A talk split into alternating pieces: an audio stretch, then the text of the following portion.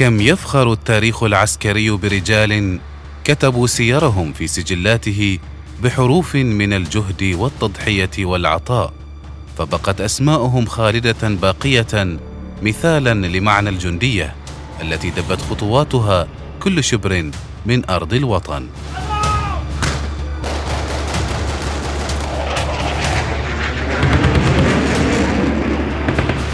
جنود.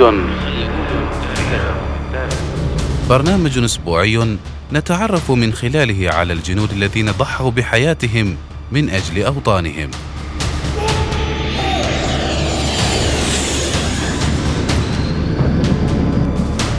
جنود لدهم. يعده الدكتور هلال بن سعيد الحجري ويقدمه المقدم الركن محمد بن سعيد المشيخي ومن إخراج الوكيل محمود بن خميس الجساسي.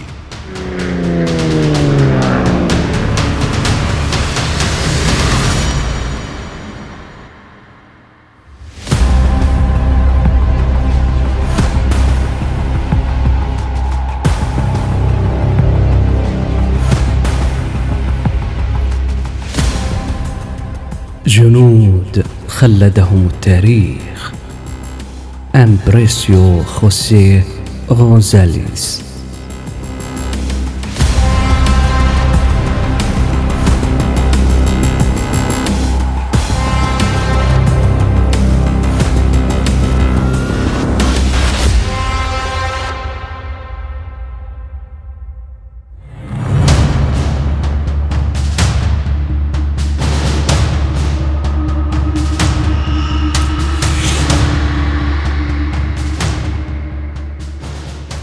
ولد إمبريسيو خوسيه غونزاليس لعائلة ثرية في هافانا. وقد تمكن والداه من إرساله إلى مدارس خاصة مرموقة في أوروبا ونيويورك منذ صغره. كان والده مدير مدرسة ومؤسسا لأول صحيفة يومية في هافانا. وكانت والدته تنحدر من عائلة محلية ثرية ومرموقة. ومع ذلك فإن الشاب أمبروسيو سرعان ما طور خطا ثوريا سيستمر طوال حياته. في سن الثلاثين انضم إلى نادي هافانا وهي مجموعة كانت ترغب في ضم كوبا إلى الولايات المتحدة كطريقة للهروب مما اعتبروه حكما إسبانيا استبداديا وتهديدا إسبانيا بإلغاء الرق. وجد نادي هافانا حلفاء له في حركة القراصنة للجنوب الأمريكي. كانت هذه الحركة مؤيدة للعبودية وترغب في ضم الأراضي في أمريكا اللاتينية من أجل توسيع العبودية. كانوا يأملون في أن تصبح هذه الأراضي الجديدة ولايات عبودية تساعد في الحفاظ على توازن القوى في الكونجرس لصالح الجنوب. مثل ما فعل ضم تكساس.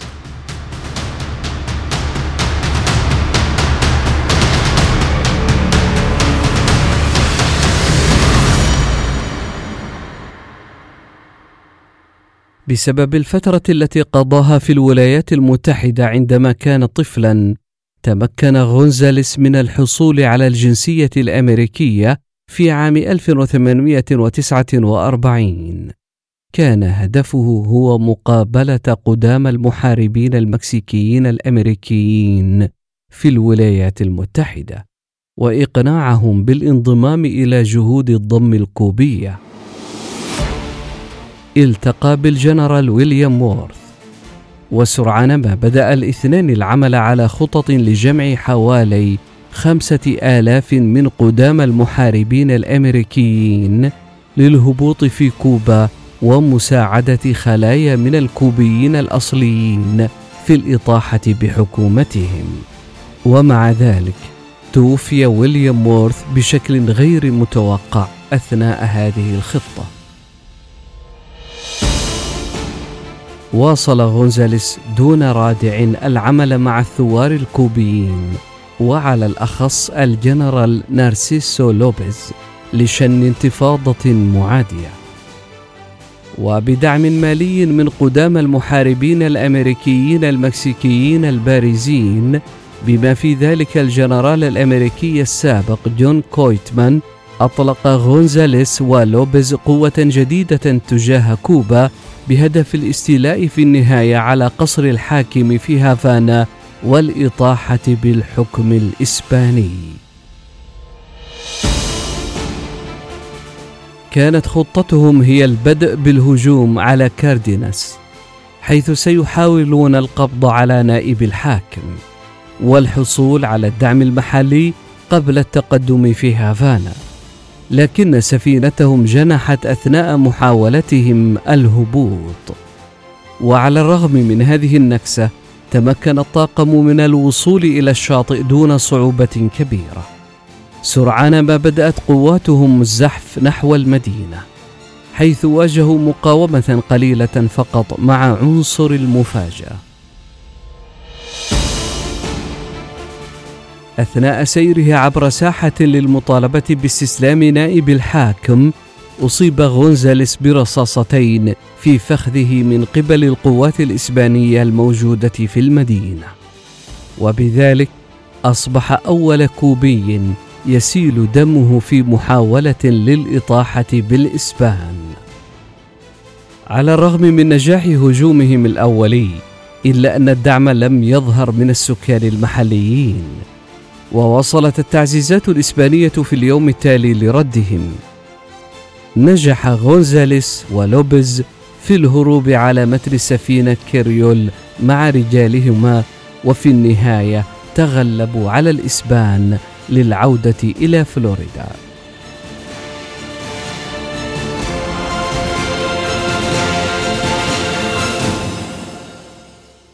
تلقى غونزاليس رعاية طبية عاجلة وتعافى من جروحه.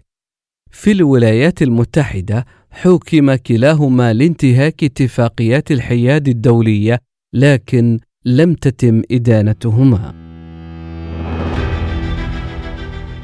مع استحالة العودة إلى كوبا الآن، قرر غونزاليس الاستقرار في الولايات المتحدة. خلال هذا الوقت واصل إنشاء علاقاته السياسية والدعوة لكسب التأييد لضم كوبا حتى أنه التقى في وقت من الأوقات بالرئيس فرانكلين بيرس وربما الأهم من ذلك بالنسبة لمستقبله وزير الحرب جيفرسون ديفيس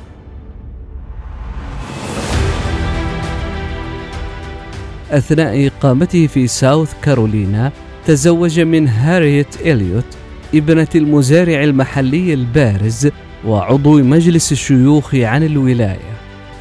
عندما بدأ الصراع بين الجنوب الأمريكي والشمال يبدو حتميا إنحاز غونزاليس بسرعة إلى الجنوب. بدأ في عرض وبيع أنواع مختلفة من الأسلحة النارية لحكومات الولايات في جميع أنحاء الجنوب حتى يتم ملء مستودعاتها عندما تبدأ الحرب.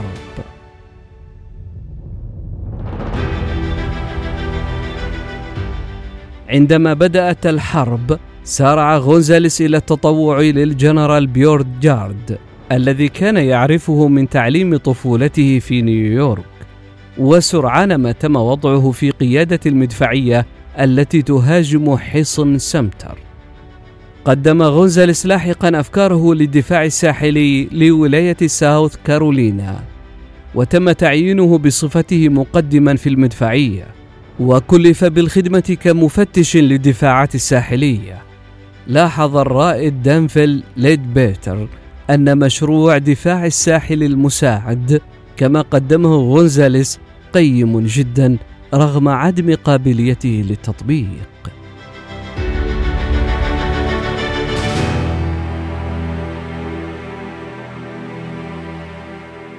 في عام 1862 رقي غونزاليس إلى رتبة عقيد وأصبح رئيسا للمدفعية في إدارة ساوث كارولينا وجورجيا وفلوريدا كانت العبقرية الفريدة لخطة العقيد غونزاليس أنه وضع مدفعية ثقيلة على عربات معدلة خصيصا زادت من قدرتها على الحركة سمحت هذه الحركة المتزايدة لقواته بصد محاولات الزوارق الحربية التابعة للاتحاد لتدمير البنية التحتية المهمة كالسكك الحديدية والموانئ على طول الساحل الجنوبي. العقيد غوزاليس على الرغم من كونه قائدا محترما بشكل عام لم تتم ترقيته ابدا فوق رتبة عقيد. كان ذلك إلى حد كبير بسبب الضغائن التي حملها ضده بعض الضباط. ومع ذلك كان غوزاليس الكوبي الأعلى مرتبة في الحرب الأهلية الأمريكية. بعد هزيمة الجنوب ترك غونزاليس لمحاولة استعادة حياته معا. وأطلق العديد من المشاريع المالية في محاولة لاستعادة ثروته ومكانته السابقة. في النهاية كان ناجحا بما يكفي لمنح أطفاله فرصة للنجاح في حد ذاتها. ذهب العديد من أبنائه إلى صناعة الصحف متبعين خطى جدهم. أصبحت الأجيال التالية من عائلة غونزاليس ناجحة وتحظى باحترام كبير في المدينة.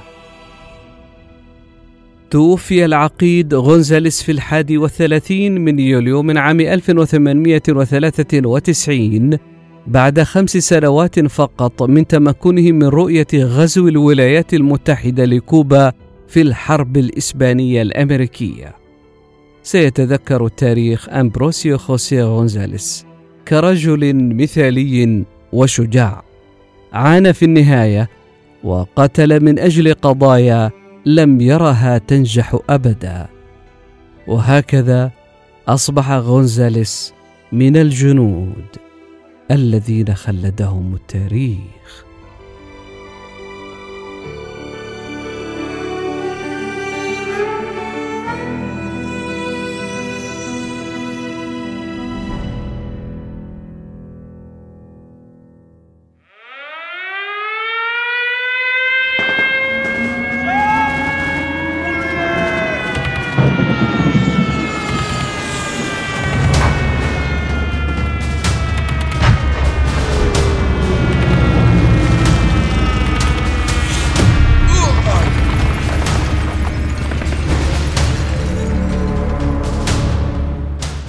كم يفخر التاريخ العسكري برجال كتبوا سيرهم في سجلاته بحروف من الجهد والتضحية والعطاء فبقت اسماءهم خالدة باقية مثالا لمعنى الجندية التي دبت خطواتها كل شبر من أرض الوطن.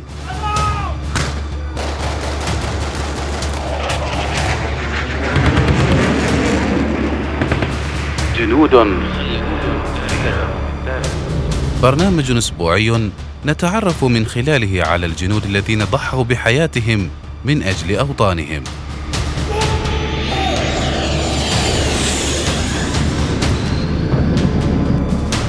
جنود لدهم. يعده الدكتور هلال بن سعيد الحجري ويقدمه المقدم الركن محمد بن سعيد المشيخي ومن إخراج الوكيل محمود بن خميس الجساسي.